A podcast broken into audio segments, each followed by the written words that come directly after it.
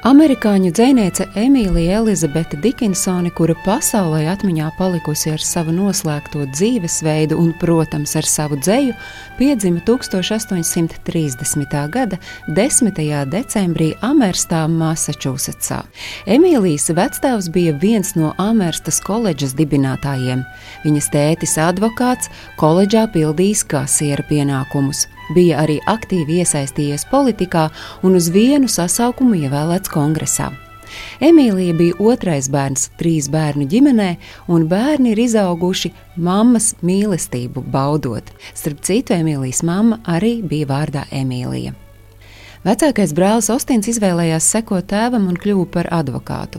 Un tieši brālis, viņa sieva un Emīlijas jaunākā māsa Lavīnija bija tie cilvēki, ar kuriem rakstniecei dzīves laikā bijusi visciešākā saikne.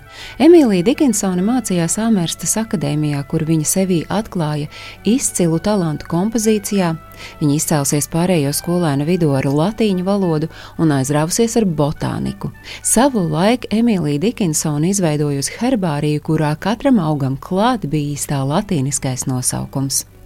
Pēc mācībām Amerstas akadēmijā un Holjokas sieviešu seminārā viņa atgriezās savā dzimtes īpašumā un faktiski nekad vairs to nepameta.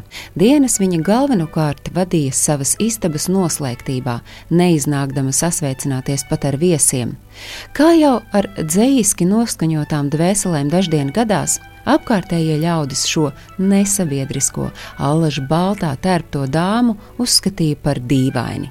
Viņa esot bijusi lieliska dārzniece, pratusi izcept bezgala gardu Ziemassvētku torti, bet visādi citādi Emīlija Dikinsone bija vientuļniece, kura pat ar saviem draugiem runājusi paliekot savā istabā pie aizvērtām durvīm. Daži viņas noslēgtību no pasaules skaidro ar skolas gadu nelaimīgas mīlestības sekām. Šādos apstākļos dzīvojot, par Dikinsonas galveno saikni ar ārpasauli un sabiedriskās dzīves pamatu kļuva vēstules, krietni vien mazākā mērā arī viņas dzēja. Emīlija Dikinsone savas dzīves laikā uzrakstīja gandrīz 1800 dzējoļu.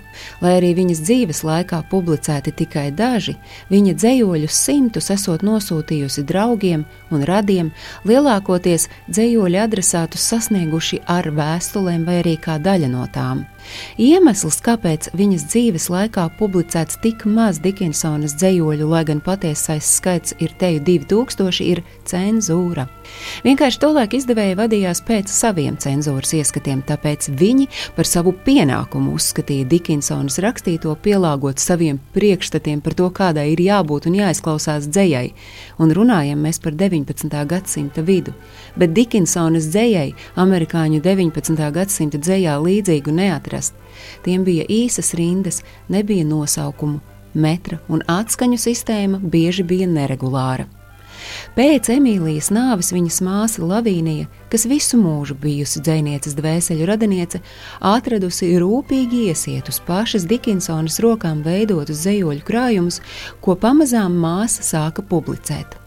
Pirmais dzīslis krājums iznāca 1890. gadā, četrus gadus pēc dzīsnieces nāves, bet arī tad tos publicēja rediģētus.